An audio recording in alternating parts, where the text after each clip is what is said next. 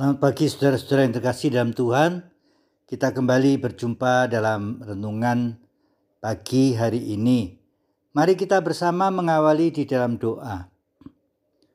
Bapak terima kasih untuk setiap hari yang boleh kami alami. Terima kasih untuk campur tangan Tuhan di dalam kehidupan ini. Dan kiranya pagi ini kami juga boleh mendengar dan merenungkan sebagian firman-Mu. Di dalam nama Yesus kami berdoa. Amin. Mari saudara kita bersama-sama membaca dari Ibrani Fatsal 11 ayat 4 sampai dengan ayat yang ketujuh. Ibrani Fatsal yang ke-11 ayat 4 sampai dengan ayat yang ketujuh. Karena iman, Habil telah mempersembahkan kepada Allah korban yang lebih baik daripada korban Kain. Dengan jalan itu, ia memperoleh kesaksian kepadanya bahwa ia benar.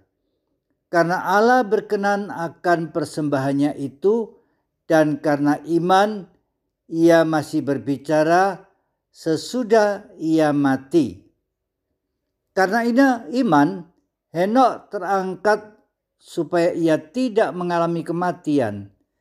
Dan ia tidak ditemukan karena Allah telah mengangkatnya. Sebab sebelum ia terangkat ia memperoleh kesaksian bahwa ia berkenan kepada Allah. Tetapi tanpa iman tidak mungkin orang berkenan kepada Allah Sebab barang siapa berpaling kepada Allah, ia harus percaya bahwa Allah ada dan bahwa Allah memberi upah kepada orang yang sungguh-sungguh mencari Dia. Karena iman, maka Nuh dengan petunjuk Allah tentang sesuatu yang belum kelihatan. Dengan taat mempersiapkan batra untuk menyelamatkan keluarganya dan karena iman itu ia menghukum dunia dan ia ditentukan untuk menerima kebenaran sesuai dengan imannya. Saudara-saudara yang terkasih dalam Tuhan, tema kita pagi ini berbicara tentang menjalani hidup bersama Tuhan. Berbicara mengenai hidup beriman itu mudah, tetapi untuk menjalani hidup sebagai orang beriman tidaklah mudah. Penulis surat Ibrani memberi judul perikop ini saksi-saksi iman. Apa yang penulis bicarakan? Pertama, percaya dengan segenap hati. Bagi penulis surat Ibrani, iman merupakan kepastian yang mutlak bahwa Tuhan yang dipercaya itu benar dan hanya kepadanya kita berpaut. Sebagai contoh, Henok memberi lebih baik dari Kain.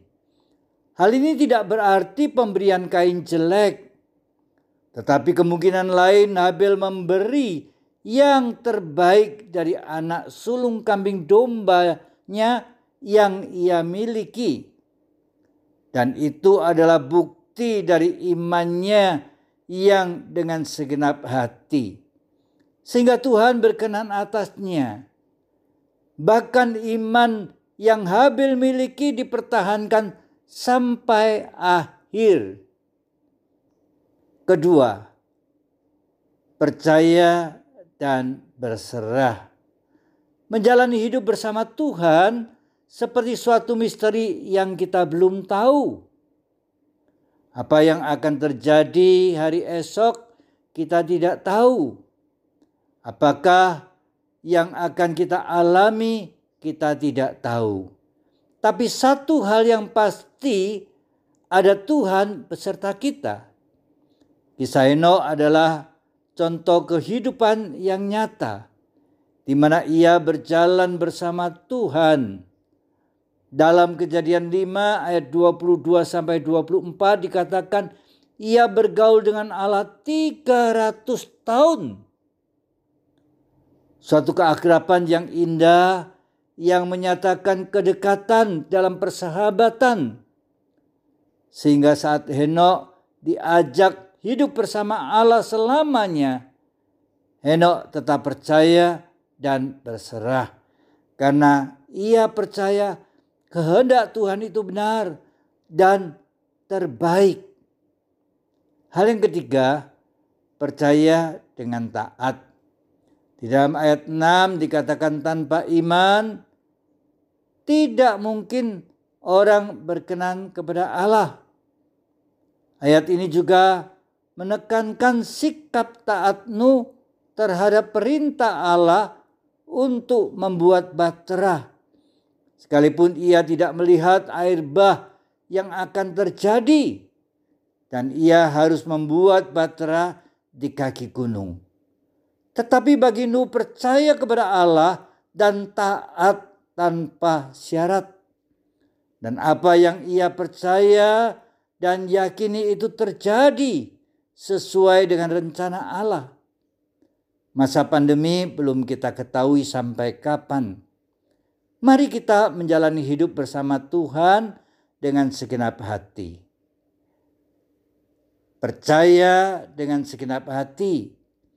Percaya dan berserah dengan percaya dan taat. Kiranya Tuhan menolong kita. Amin. Mari saudara kita sekali lagi bersama-sama berdoa. Bapak terima kasih untuk contoh-contoh yang boleh menjadi teladan di dalam kehidupan kita. Baik dari kehidupan Habil, Henok, maupun dari kehidupan Nuh dan lain sebagainya.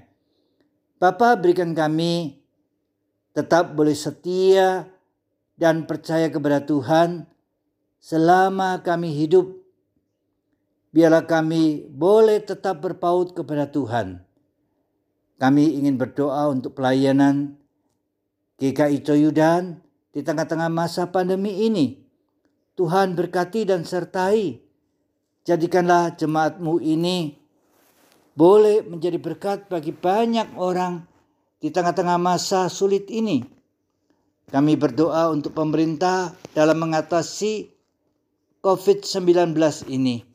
Tuhan kini engkau memberkati sehingga pada saatnya pandemi ini boleh berakhir dan kami boleh bersama-sama kembali lanjutkan karya Tuhan baik melalui ibadah, persekutuan, kesaksian dan pelayanan. Tuhan, inilah doa kami. Hanya di dalam nama Yesus Tuhan kami, kami berdoa. Amin.